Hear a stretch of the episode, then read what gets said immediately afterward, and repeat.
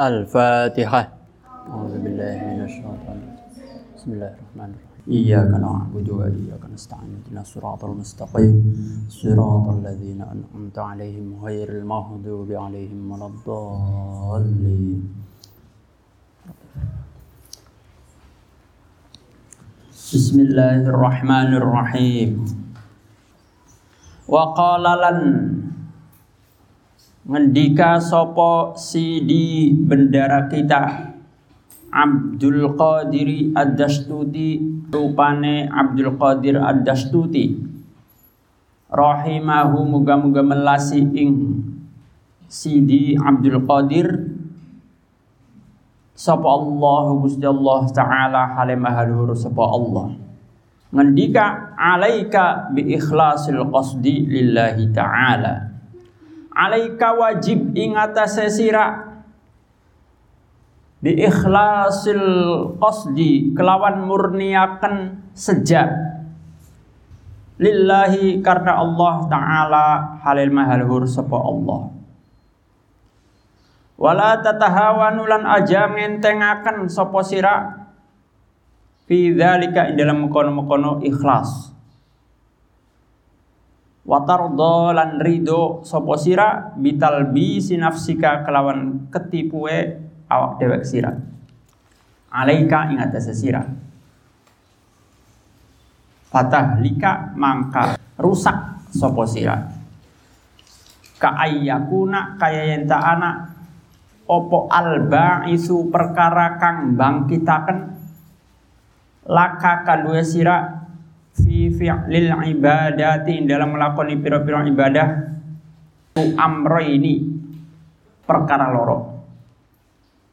Fanin rupane perkara kang rusak wabakin lan perkara kang langgeng. Wahada utawi iki ikhlas iku min as'abi turuqir riyai tengah saking piro-piro paling angele tengah saking paling angele piro-piro dalane riya. Alal mubtadiina ingatase wong piro-piro wong kang ngawiti.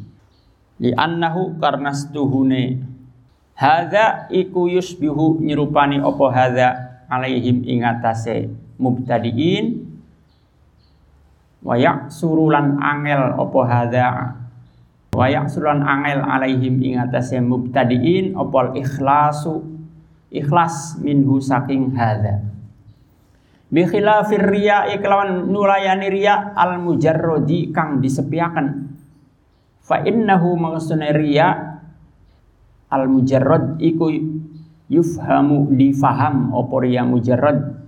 Bi adna ta'ammulin kelawan luwih andape angen-angen Kala ngendika sapa di Abdul Qadir.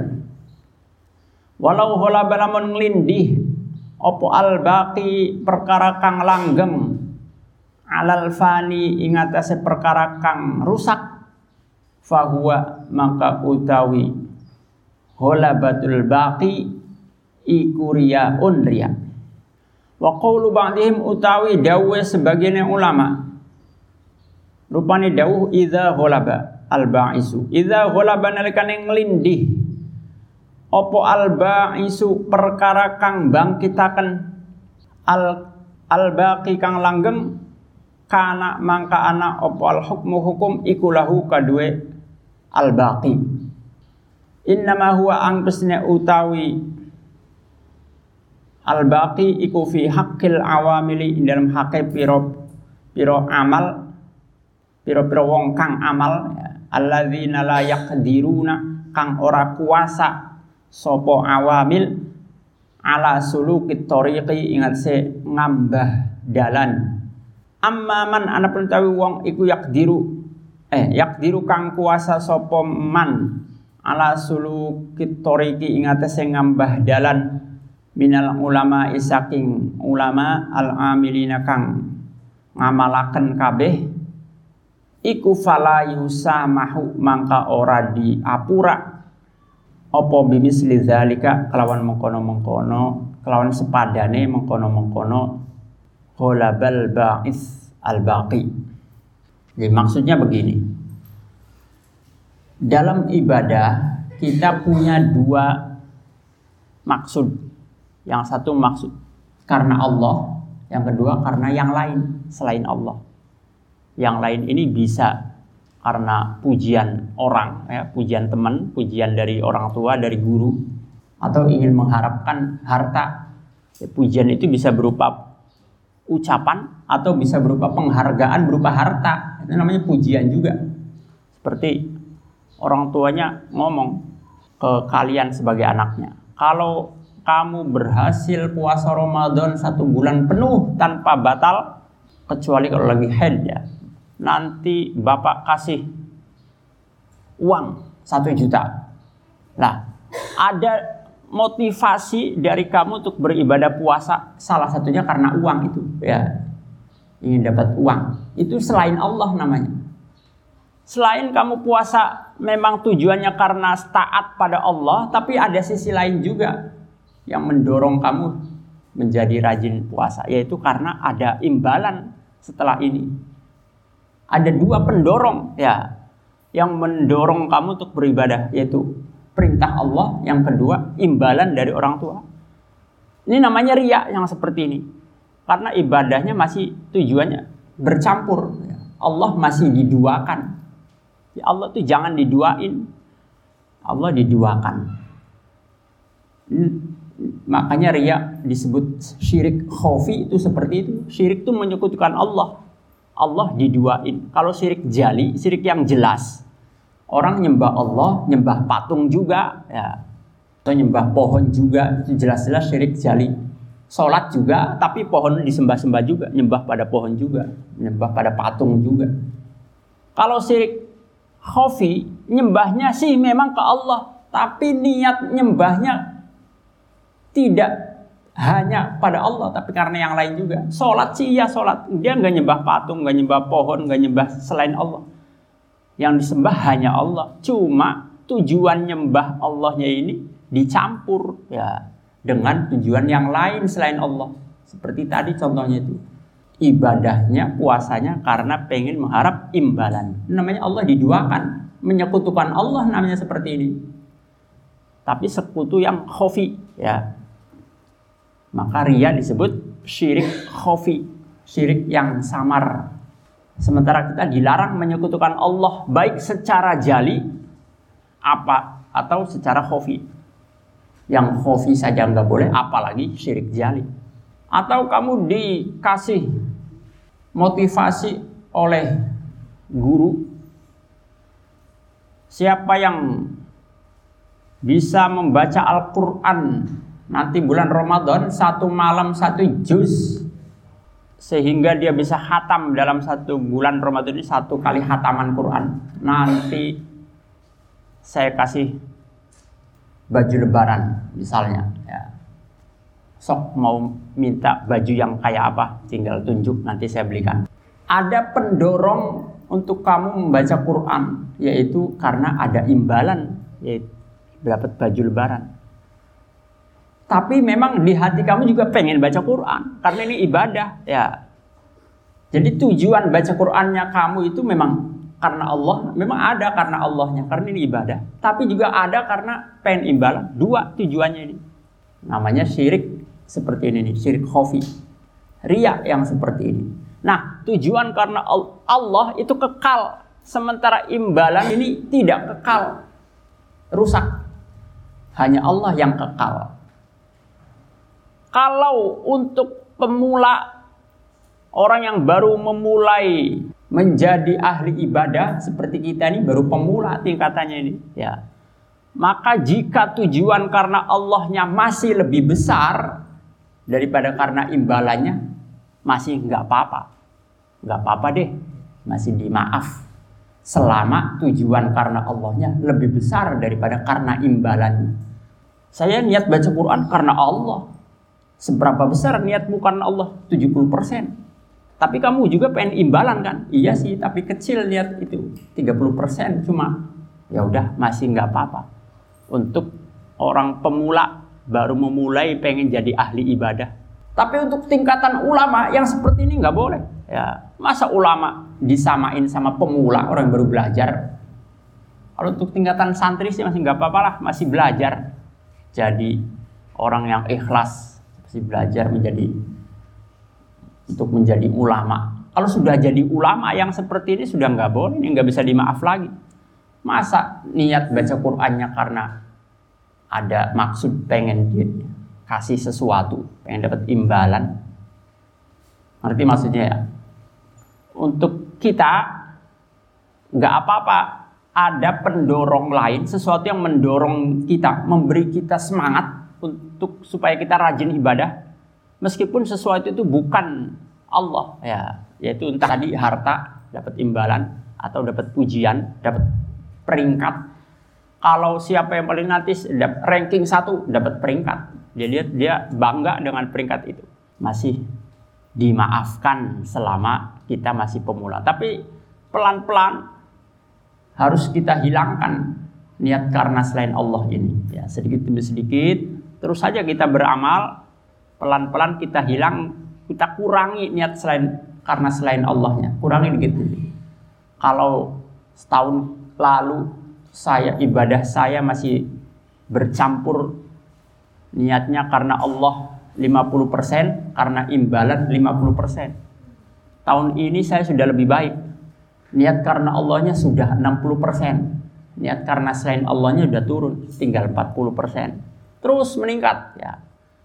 Sehingga benar-benar nantinya menjadi ikhlas 100% ibadahnya karena Allah karena yang lain sudah habis tinggal 0%. Tapi tidak mudah ini ya, nggak bisa diperoleh hanya setahun dua tahun, bahkan puluhan tahun pun belum tentu kita bisa beribadah murni ikhlas karena Allah 100%. Belum tentu sampai mati pun belum tentu kita akan bisa. Makanya ikhlas itu perlu dipelajari dengan cara kita praktek langsung pada ibadah, bukan belajar hanya sekedar membaca. Tapi kita beribadah, kita praktekkan ibadah itu. Quran kita baca, sholat kita lakukan. Ya, selainnya wajib yang sunnah-sunnah, puasa yang selainnya wajib yang sunnah kita lakukan. Itu ikhlasnya cara belajarnya dengan kita beramal. Kalau sekedar baca-baca ya, tanpa beramal atau sekedar ngomong doang tanpa pernah beraksi ya sulit untuk bisa ikhlas. Terus saja beramal sodakoh terus biarin masih ada riaknya ya. Makin lama akan terasah diri kita di hati kita ini untuk menjadi benar-benar ikhlas. Wa mislul wa misalul fani utawi padane perkara kang rusak wal baqi lan perkara kang kekal iku ayyakuna yenta anak. Iku laka kadue sira inda amirin ing dalam sandinge pemimpin. Au muazzamin atau wong kang diagungaken. Opo hajatun kebutuhan. Wadzalikal amiru tem kono kono pemimpin awil muazzamu atawa wong kang diagungaken iku yusolli salat al jumu'ata ing salat jum'ah au ghairaha atawa liyane jum'ah fi dalam barisan al awali kang kawitan au fi makanin atau yang dalam panggonan makrufin kang kenal opo bihi makan. Fatajtahidu maka nemen-nemeni sapa sira fi sholati dalam salat ila janibihi. Maring sandinge zalikal amir awil muazzam. Litahsula supaya hasil. Litu hasila supaya ngasilaken sopo sira murodaka ing kang dikarpaken sira minhu saking zalikal amir. La litu ora karena nekaaken sopo sira al faridota ing fardu. Fi zalikal makani dalam mukono-mukono panggonan alatil kasifati ing atasnya mukono-mukono sifat nah di sini dicontohkan kamu punya hajat, ada kebutuhan pada pemimpin atau orang yang tokoh yang diagungkan di masyarakat. Kemudian sang pemimpin itu atau tokoh masyarakat itu ketika sholat Jumat atau sholat jamaah dia duduk di soft awal di barisan awal atau di soft yang biasa dia duduk. Lah, terus kamu sholat Jumat sengaja berusaha supaya bisa duduk di samping pemimpin itu. Pemimpinnya misalnya kepala desa. Saya mau ada kebutuhan ini sama kepala desa. Nanti ah, waktu Jumat ketemu. Kalau ketemu waktu sholat Jumat nanti saya mau sampaikan kebutuhan saya sama kepala desa. Ketika sholat Jumat, si kepala desa duduknya di barisan pertama, soft awal. Ya. Nah, kamu lihatlah itu kepala desanya ada di soft awal. Gimana caranya supaya bisa, saya bisa duduk di sampingnya? Kamu berusaha maju. Padahal biasanya kamu sholat nggak di soft awal. Sholat di soft awal kan lebih baik daripada soft di belakangnya, ya kan?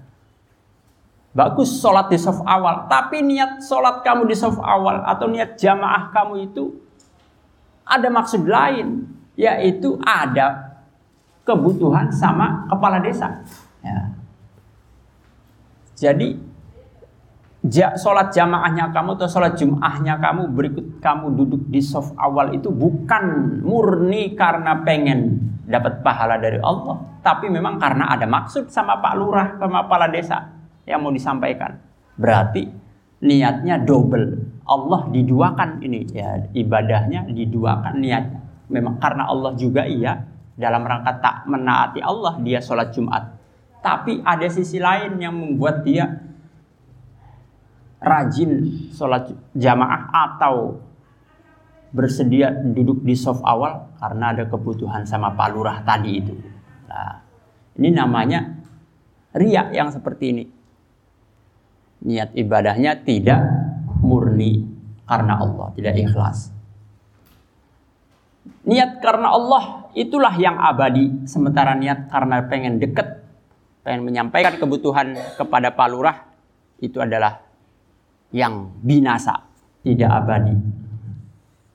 Wa minal ma'lumilan iku setengah saking perkara kang dikawerwi annal bangisa utawi stuhune kang bangkitaken ala zalikal amali ingatase kon mono amal wa ya ba'is iku zakal qasdu mengkono-mengkono sejak al awalu kang kawitan. La qasdu itqani umuris solati ora nyejak muatakan piro-piro perkara salat. Waqad ajma'u lan teman-teman sepakat sopo ulama ala anna tauhidal qasdi ingat sestuhune nyuwiji akan sejak iku wajibun wajib. Dia ja'alu supaya dari akan sapa ulama? Lahum kadue ulama hamman ing. Maksud wahidan kang siji. Muta'alliqon kang gumantung biwahidin kelawan siji. La yasumma ora ngambung sopo wong min tauhidil haqqi saking nyujikan Allah taala halimah haluhur sapa Allah raihatan ing ambu. Wa min halan iku setengah saking alamatur riya.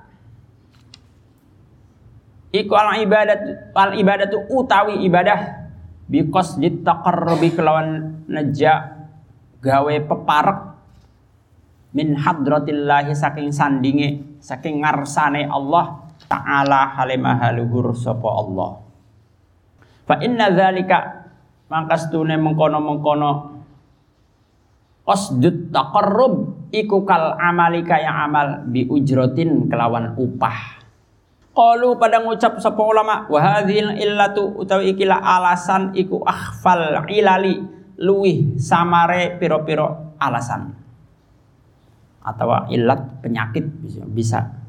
Wa hadzal illatu ikilah penyakit iku akhfal ilali luwis samare piro-piro penyakit. Warubbama tarokolan terkadang munggah sapa sahibuha wong kang duweni illah ila qaribin maring maring parak min hadratillahi saking ngarsane Allah taala halimah lur sapa Allah. Fayuqalu maka dicapakan lahu kadue sahibuha irji. Balik kasira lasta ora ana sapa sira iku min ahliha. Saking ahli yang ibadah. Innama ahluha ang pesinte ahli ibadah ikum man wong yak budu kang nyembah sapa man Allah ing Gusti Allah. Taala halimah luhur sapa Allah. Imtisalan karena bangun turut li amrihi maring perintah Allah wa wafaan lan nohoni biwajibi haqqihi kelawan wajibi haqqi Allah taala halimah luhur sapa Allah di antara tanda ria adalah ibadah dengan tujuan takorub kepada Allah. Waduh, ini berat ini. Takorub itu dekat. Ini penyakit yang samar, makanya disebut penyakit yang samar. Karena banyak yang mengira ini bukan ria. Ini tuh ria ibadah seperti ini. Ibadah pengen dekat sama Allah tujuannya. Padahal masih sama Allah loh ya, bukan dekat sama yang lain. Tapi masih di, maksud ria. Terus gimana biar gak ria? Ya ibadahlah karena nuruti perintah Allah. Gak ada maksud apa-apa. Sekedar nurut perintah Allah. Sama kayak kamu, ketika kamu memberi sesuatu pada orang lain, tujuannya pengen deket. Ngapa sih kamu ngasih-ngasih hadiah sama itu?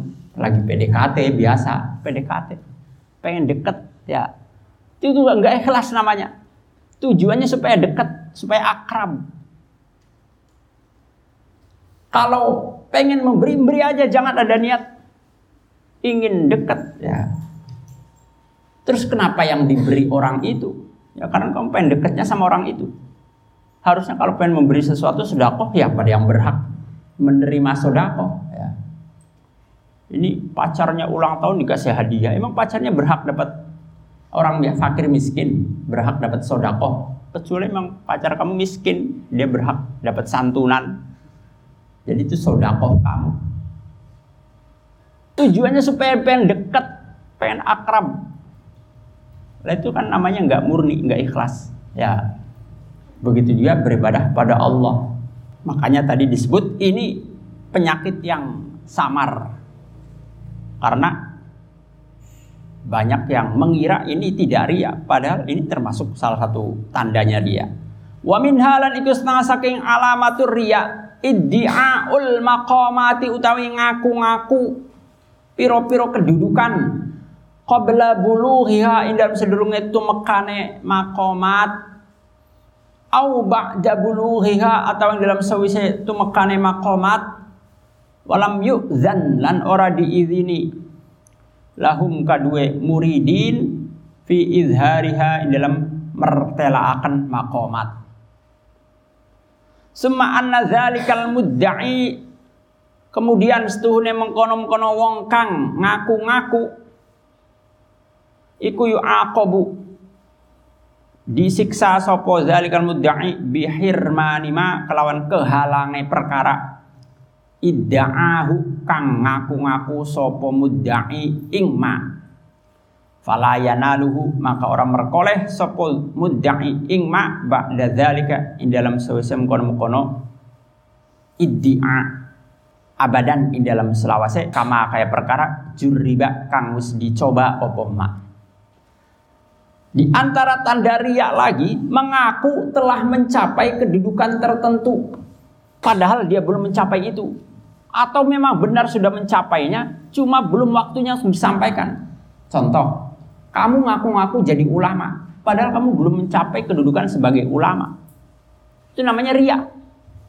Saya ini ahli ngaji, senang ngaji, saya ini ulama, ria, ya, tandanya ria. Kamu beribadah banyak, terus ngakunya sudah jadi wali, padahal belum jadi wali, masih jauh. Wali saya tuh ria namanya, ya. Atau memang benar sudah jadi wali atau kamu benar memang jadi ulama tapi belum waktunya untuk disampaikan ya. Kamu belum diizini untuk menyampaikan kepada orang lain bahwa kamu sudah jadi ulama. Siapa yang boleh mengizinkan? Ya orang yang di atasnya ya. Ulama di atasnya atau kamu sudah memang benar jadi wali tapi belum waktunya kamu menyampaikan ke orang lain bahwa kamu adalah wali. Nanti ada waktunya, belum saatnya. Jangan sekarang. Kamu rahasiakan dulu ya. Kamu ini wali. Yaitu siapa yang menentukan wali di atasnya.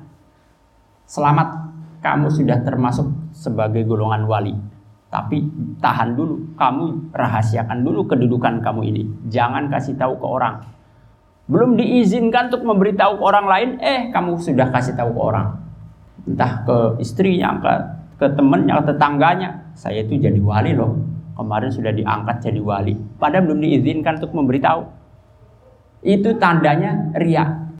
Malah siapa yang mengaku terhadap satu kedudukan padahal dia belum mencapai kedudukan itu, dia akan terhalang untuk mencapainya. Kalau kamu ngaku-ngaku jadi ulama, padahal kamu belum ulama, maka kamu nggak akan jadi ulama. Ya. Karena kamu sudah ngaku duluan sebelum jadi ulama. Kamu akan terhalang untuk mencapai posisi ulama. Siapa yang ngaku jadi wali padahal belum jadi wali, nanti dia nggak akan jadi wali. Ya. Jadi kalau pengen jadi wali, jangan ngaku-ngaku wali. Kalau pengen jadi ulama, jangan ngaku-ngaku sebagai ulama sebelum waktunya. Nanti ada waktunya. Yaitu ketika ulama-ulama yang lain sudah mengakui keilmuan kamu dan masyarakat juga sudah menilai kamu sebagai orang yang alim, punya ilmu tanpa diminta ya. Jangan minta ke orang eh panggil saya kiai ya. Saya ini kiai. Panggil saya kiai. Biarkan masyarakat memanggil kamu apa adanya tanpa disuruh Panggil saya kiai dong, jangan kang. Saya sudah meningkat jadi kiai, nggak sekedar kang. Enggak, karena memang masyarakatnya sudah meng menganggap ini posisinya sudah kalau dipanggil sekedar kang kurang pantas. Panggil kiai ya, tanpa diminta oleh kiainya. Nah, ketika kamu sudah mencapai posisi itu, ya keilmuan kamu sudah diakui oleh ulama di atasnya, oleh guru-guru kamu, guru kamu sudah pada mengakui keilmuan kamu, bahwa kamu orang yang berilmu, alim, para masyarakat juga sudah menerima, ya sudah tidak apa-apa kamu mengaku sebagai ulama. Tapi kalau belum waktunya, jangan dulu, nanti jadi terhalang. Orang sekarang banyak ngaku-ngaku ulama, pada belum tingkatannya ulama.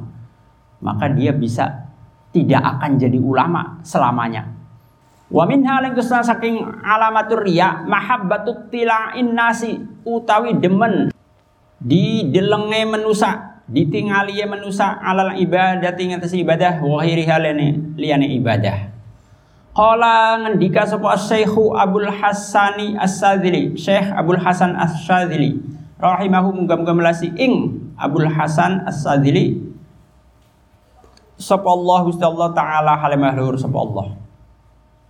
Man utawi sapane wong iku ad darra bahayani adar bahayani opo syai'un siwiji-wiji alal muridina ing tasih pira wong kang repakan.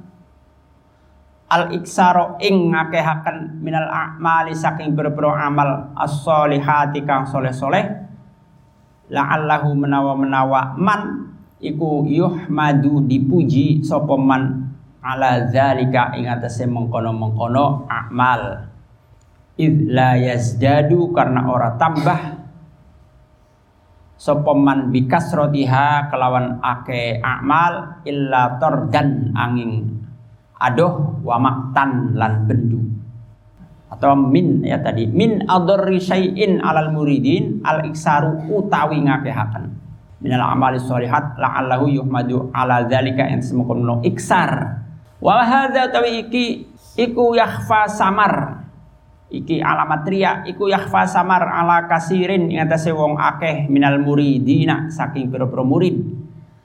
Wa min hunalan saking kene panggonan aujabu pada majibakan sapa ulama alal muridi ing atase murid al isroro ing nyamaraken bi amalihi kelawan amale murid. Hasabato kotihi kelawan bilang-bilang kekuatane murid.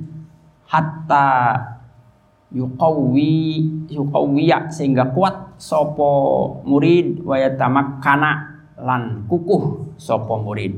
Wa qala lan dawuh lan ngendika sopo Abdul Hasan As-Sadzili aidan halemaning rubbama yaf'alu terkadang agawe sopo al muridu murid. Amron ing perkara yuhmadu kang dipuji alaihi ngatasé amr wala yaksiduhu lan ora neja sapa murid ing amr. Fayadzunnu makanya na sapa murid annahu ing stuhne murid iku mukhlisun wong kang ikhlas. Wal halu hale utawi tingkae iku annahu setuhune murid iku muraun wong kang riya. Wa zalika mengkono-mengkono yaf'alul murid iku ka ayyarudda kaya yang tam balikaken sapa murid masalan ing dalam umpamane ma ing barang yuktihi kang nguwehi. Ing murid eh ing ma lahu kadue murid sopo annasu menusa ta'affufan karena wiki. Fayuh fayahmaduhu maka muji ing murid sopo annasu menusa ala dzalika ing atase mengkono-mengkono rod Fayasho maka neng lengaken sopo murid ila madhihim maring pujiane annas Fayarji'u maka balik opo amalu amale murid ila ria maring ria. Di antara tandanya ria itu seneng kalau beribadah dilihat orang. Kalau di, ada yang liatin seneng. Kamu lagi baca Quran diliatin teman seneng. Lagi ngaji ada yang liatin, ada yang merhatiin. Seneng kalau lagi sholat diperhatiin orang seneng.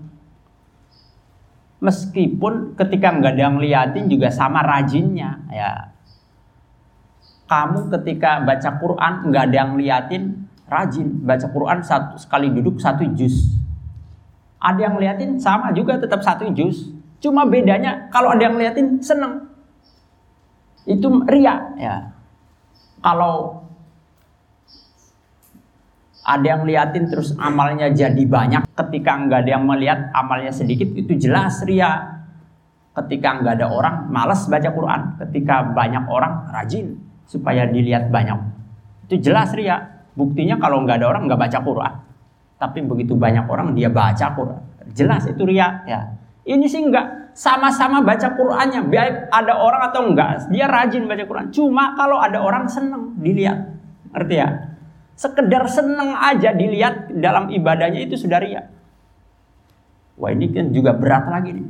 Atau sholat sunnah lah Meskipun nggak ada orang, kamu rajin sholat qobliyah, ba'diyah. Di rumah juga sama, di mana pun kamu sholat, selalu ada qobliyah, ba'diyah. Ada yang lihat ataupun nggak ada. Tapi kalau ada yang lihat, seneng. Ya, bedanya cuma itu. Amal sih sama, nggak dikurangi. Biarpun nggak ada yang lihat, kamu tetap sholat sunnah juga. Cuma kalau ada yang lihat, kamu jadi lebih semangat gitu ibadahnya. Waduh, ada yang merhatiin nih tambah semangat. Dan itu sudah ria kayak begitu aja. Bahkan amal yang tadinya tidak ria bisa jadi ria gara-gara dipuji setelah amal itu kemudian kita senang dari pujian itu. Misal di sini dicontohkan ada orang memberi sesuatu kepada kamu. Beri barang, harta, uang, kamu tolak karena kamu menjaga harga diri. Oh maaf, saya tidak berhak menerima ini. Kasih aja ke tetangga saya itu lebih butuh. Tujuannya bagus pertamanya. Kamu nggak dari ya di sini. Ya. Maaf, bukan saya menolak rezeki, tapi saya sudah punya. Yang lebih berhak itu teman saya tuh tetangga saya itu. Yuk, saya anterin. Kita kasih aja ke dia. Nah, kabar berita bahwa kamu menolak pemberian, terus pemberian itu malah diarahkan ke orang lain yang lebih butuhkan, beredar di masyarakat. Terus kamu dipuji, hebat banget itu. Kalau dikasih sesuatu nolak, dia di malah diarahkan untuk ngasih ke tetangganya yang miskin, dipuji. Kamu dengar pujian itu, masyarakat menilai kamu baik. Ternyata amal saya selama ini dianggap bagus sama orang-orang. Senang jadi puji. Nah, Tadinya sih enggak ria. Setelah itu kamu dengar kabar berita bahwa kamu lagi dipuji, jadinya ria sekarang. Ya. Yang tadi amal kemarin sebetulnya sudah enggak ria, eh setelah dipuji jadi senang. Ternyata orang-orang pada mau menganggap saya baik. Waduh, hebat juga ya saya di hatinya ada bangga ya. Karena dipuji itu, senang dengan pujian. Ini juga sudah ria. Arti ya, maksudnya padahal senang dipujinya setelah amal itu selesai. Ketika beramal dia sama sekali nggak pengen dipuji. Setelah selesai, tapi besoknya senang dapat pujian. Maka yang amal kemarin itu jadi ria gara-gara senang dipuji hari ini. Makanya sangat berat ini ninggalin ria tuh ya. Wong kemarin sudah ikhlas itu luntur gara-gara ria. Sekarang tahun lalu saya waktu beramal itu ikhlas. Eh sekarang saya dengar teman-teman pada muji saya gara-gara amal saya tahun kemarin itu. Yang tadinya amal saya itu ibad sudah ada nilai pahalanya. Sekarang ria tahun ini jadi kehapus pahalanya. Nol lagi. Padahal sudah dicatat pahalanya ikhlasnya. Gara-gara tahun ini saya jadi ria. Luntur paha. Yang ibadah yang kemarin-kemarin itu. Habis semua. Ini kan berarti berat. Berarti selama hidup kita jangan senang dipuji sampai kita mati. Ya. Kita sudah beramal selesai. Belum tentu amal kita selamat. Ini masih terancam amal kita nih. Masih bisa dihapus karena bisa jadi kita ria di kemudian hari. Maka jangan senang dipuji. Sampai kapan? Sampai mati. Biarkan itu. Lupakan amal baik kita. Jangan pernah ingat-ingat lagi. Hiraukan pujian orang. Karena orang memuji bisa jadi setelah kita selesai beramal. Ya, malah ya kebanyakan dipuji itu selasa selesainya amal. Tidak hanya hari ini pujian orang tuh, sampai tahun depan bisa jadi masih ada pujian itu. Hati-hati. Pujian orang itu bisa menipu kita, ya, melunturkan pahala kita. Waqala wa min halan saking alamat ya tarkul amali utawi ninggalaken amal min ajlin nasi saking arai manusa. Qala ngendika sapal Fudailu bin Iyadin, Fudail bin Iyad tarkul amali utawi ninggalaken amal min ajlin nasi saking arai menusa iku riyaun riya. Wal amal utawi amal min ajlin nasi saking arai menusa iku syirkun syirik. Wal ikhlas utawi ikhlas iku ayu afika. Yen tak marasaken ing sira sopol haqqu Gusti Allah taala halimah haluhur sapa Allah min huma saking tarkul amal min ajlin nas wal amal min ajlin nas. Wa makna dzalika te makna mukon-mukon qaul Fudel bin Iyad iku anna min azman sunne wong iku anna man setuhune wong azama kang neja sapa man ala ibadatin ing atas ibadah wa tarokahalan ninggal sapa man ing ibadah makhafata ayyaroha karena wedi yen ningali ing ibadah sapa annasu manusa Fahuwa mangkote man iku in. Wong kang riya lianahu kana man iku tarokaha ninggal sepeman ing. Ibadah min ajlin nasi saking arai menusa amma lau tarokaha anapun lamun ninggalakan sepeman ing ibadah liyaf alaha supaya ngelakoni sepeman ing ibadah fil khalwati dalam tingkah sepi fahadha mengkotawi ikiman iku mustahabun disunnahaken. Illa antakuna ngintaan opo fari opo ibadah iku faridotan fardu au zakatan atau zakat wajibatan kang wajib. Au yakuna atawa ana sopoman iku mimman saking wong yuktada kang dianut sopo bihimman fal jahru maka utawi ngedeng fi dzalika ing dalam kono ibadah iku afdolu lebih utama Wa min halin saking alamat turya hikayatul amal itu nyeritakan pira-pira amal as-solihati kang bagus-bagus allati waqa'at kang tumiba opo allati fi azmanin ing dalam pira-pira mangsa madat kang wis liwat opo azman. Walam yashkur lan orang rasa sopo eh biha kelawan amal sopo ahadun wong suji illa li angin karena tujuan syar'iyin kang bahasa syariat. Fa inna hikayatuha maka setune nyeritakan ibadah atau amal bi ghairi gharadin kelawan tanpa tujuan syar'iyin kang bangsa syariat iku yarud duha nolak opo syar'i ing amal. Ila suratir riya'i maring bentuk riya biha kelawan amal hala amaliha. Dalam tikah ngamale amal. Di antara tandanya ria adalah meninggalkan amal karena manusia. Kamu bermaksud pengen baca Quran. Nantilah saya bawa dasar mau baca Quran. Setelah asar ketika mau baca Quran banyak orang. Teman-teman kamu.